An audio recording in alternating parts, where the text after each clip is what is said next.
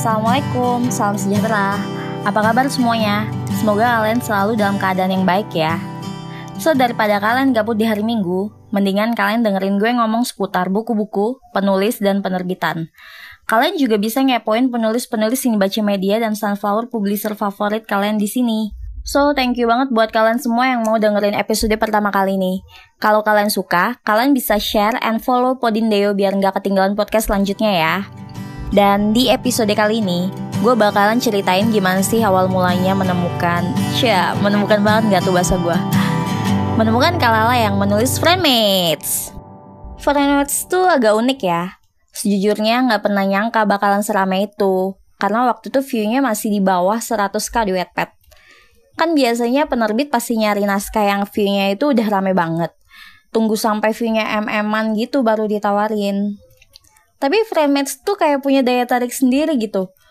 Waktu itu baru baca sedikit, terus tim Sunflower langsung ngubungin Kalala, ngomong mau minang anaknya ini. Alhamdulillah Kalala oke. Okay. Gue seneng banget dong karena mamanya ngizinin. Tapi tuh awal-awal tuh emang agak agak susah ya. Gak bohong, antara Kalala dan penerbit sempat ragu waktu itu nih naskah tuh dianggap belum seramai itu buat diterbitin. Dan Sunflower Publisher juga baru banget debutnya kan. Kayak masih baru banget gitu, yang baru banget. Jadi kita itu bertanya-tanya, ceritanya bakalan rame gak sih? Tapi akhirnya saling yakinin aja. Yang ya udah deh, ini bismillah nih bisa nih, bisa nih, pasti nih gitu. Dan bener kan, feeling gue tuh gak pernah salah ya. PO pertamanya tuh sumpah di luar ekspektasi banget gue sama Kalala sampai yang hah? Hah? Seriusan? Kita sama-sama speechless saking kaget banget karena di luar ekspektasi banget waktu itu. Terus pelan-pelan video Wattpad Kalala jadi over 100k lama-lama naik naik naik dan sekarang kayak udah mau 500k gak sih? Emang ya daya tariknya 4L tuh gila banget. Selain itu juga ceritanya emang yang punya banyak pesan positif yang bisa kalian ambil. Nah sekarang gue bakal ceritain isi dari novel Friendmates ini. Di buku ini tuh menceritakan tentang empat pasangan dengan konflik yang beda-beda. Gue ceritain secara singkatnya aja ya. Pertama ada Argi. Si crazy rich Asian yang udah suka sama Naila dari SMP. Tapi Naila gak pernah peka sama perasaan Argi. Naila selalu menganggap Argi tuh cuma sebagai teman adiknya, alias teman Rian. Tapi pelan-pelan, Naila sadar kalau dia juga punya perasaan yang sama kayak Argi. Cuma dia selalu Daniel, karena dia lebih tua, dan trauma masa lalunya masih menghantui sampai sekarang. Jadi uh, di buku ini tuh Naila ini punya insecure yang agak parah gitu. Dia masih kebayang-bayang sama trauma masa lalunya dia. Padahal coy, Naila ini tuh seperfect itu gitu dia secantik itu dan sebaik itu juga sebenarnya. Cuma sayangnya dia masih punya insecure yang agak, agak parah yang agak susah disembuhin. Jadi dia masih Daniel Daniel sama perasaannya dia ke Argi. Tapi untung ya karena si Argi ini udah bucin banget sama Naila. Jadi dia itu kayak agas aja dah gitu. Pantang mundur banget dah gue pokoknya Naila deh Naila harga mati gitu.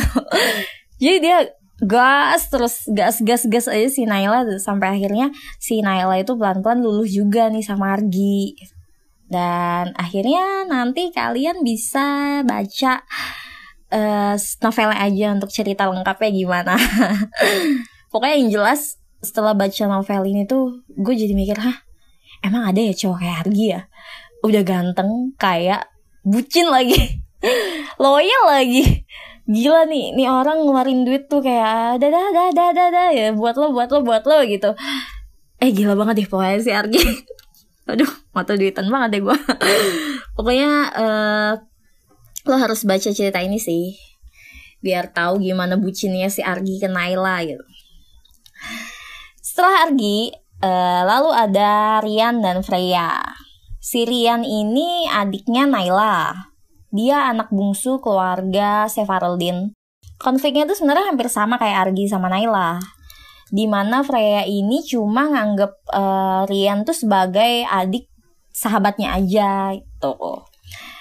Freya nggak pernah tahu kalau si Rian nih nyimpen rasa sama dia gitu jadi ya kayak uh, Freya selalu nganggep Rian nih kayak bocah aja gitu ya bocah aja jadi kayak nggak ada perasaan apa-apa untuk Rian ada gas terus deh pokoknya gitu sampai akhirnya Freya lama-lama lulu dan tahu perasaan Rian lalu selanjutnya kalian bisa baca novelnya aja ya.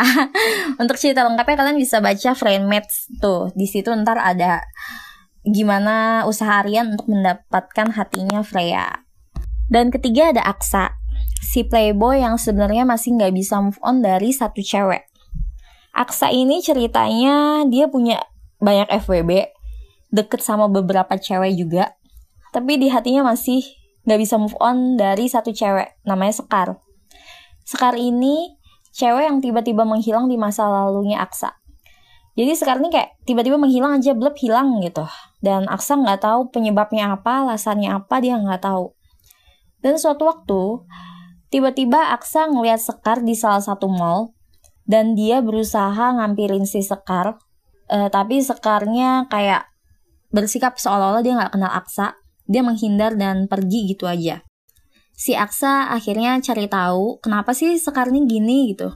Kok dia kayaknya menghindar dan akhirnya Aksa tahu alasannya kalau Sekar ini sebenarnya udah punya cowok. Tapi nanti lengkapnya kalian bisa baca novelnya aja. Karena kalau Aksa Sekar ini agak complicated emang. Cuma uh, lagi-lagi Aksa ini bucin. Pokoknya 4L tuh bucin ya. Aksa ini bakal berjuang buat Sekar. Nanti ada beberapa masalah yang bakal dijelasin di novel itu gitu.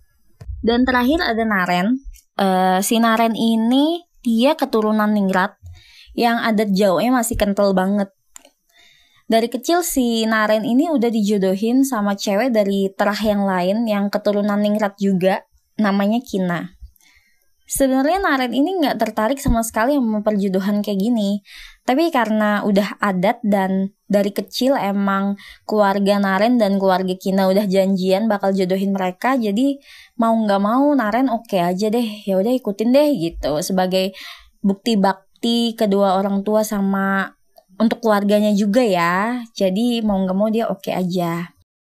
Tapi semenjak Kina magang di Jakarta, magang sementara di Jakarta, eh, Naren jadi mulai kenal sama Kina.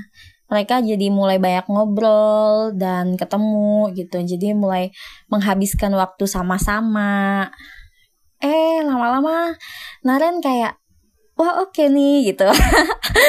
Aduh gedit banget ya akhirnya lama-lama Naren juga luluh juga nih ke Kina. Si Kina ini uh, tipe cewek yang anggun cewek Jawa yang sopan banget gitu. Gimana sih kalau dari kecil udah diajarin tata krama itu gimana sih? Sementara Naren ini walaupun dia keturunan Inggris tapi buset dah belangsakan banget deh pokoknya gitu. Jadi mereka berdua ini sebenarnya agak bertolak belakang ya. Tapi setiap kali sama Kina Naren jadi berubah gitu. Jadi lebih kalem jadi lebih sopan gitu. Wah bukan kamu banget ya gitu. Dan uh, di cerita ini juga Naren bakalan berjuang untuk Kina untuk ngedapetin hatinya Kina dan hati keluarga Kina. Untuk selengkapnya kalian bisa baca di novel aja. Nah, selain rumitnya konflik-konflik percintaan mereka tadi, ada juga kelakuan-kelakuan bucin 4L yang bakal buat kalian halu kayak gue. Kapan sih punya pacar kayak mereka gitu kan? Cewek itu suka gak sih kalau dibucinin gitu suka ya? Suka kan? Uh, selain itu juga ada persahabatan dan kekeluargaan yang kocak dan lucu gitu, mengharu biru pokoknya persahabatan sama kekeluargaannya erat banget deh di cerita ini gitu dan thank you banget buat Kalala selaku emaknya Friendmates nih udah melahirkan karya yang sebagus itu. Thank you juga karena udah mau diajakin ngelewatin susahnya bareng-bareng. Diskusi, sibuk-sibuk yang ngurusin naskah. Padahal gue tahu Kalala ini sibuk banget guys. Uh, jadi dia nyempetin waktunya dia buat ngurusin naskahnya dia nih ngurusin anak-anaknya dia thank you banget ya kak nanti uh, kalau ada waktu kakak bisa datang ke sini pokoknya aku tungguin kakak harus datang ke sini, kita ngobrol, kita gibah, kita ngomongin apa pun itu. Uh, ngomongin tentang penulisan, tentang kalala, dan tentang project-project selanjutnya juga. Dan thank you juga buat kalian yang udah baca Friendmates, yang udah nemenin Friendmates dari awal sampai sekarang. Semoga kalian tetap ngasih support untuk Friendmates, untuk Kalala, dan untuk karya-karya Kalala selanjutnya juga. Pesannya hari ini, uh, segala sesuatu kan dimulai dari bawah ya. Kita harus susah-susah dulu. Jadi buat penulis-penulis di luar sana yang masih struggle, yang masih ngeblank, yang kehabisan ide, yang masih nggak tahu nih bakal lanjut nulis atau enggak, kalian nggak boleh nyerah, kalian harus tetap lanjutin karya kalian. Kalau capek kalian bisa duduk dulu, bisa tidur dulu, bisa nonton, fun girling, drakor tuh biasanya. Uh, lakuin apa pun yang bisa buat kalian seneng, yang bisa bikin otak kalian tuh refresh lagi.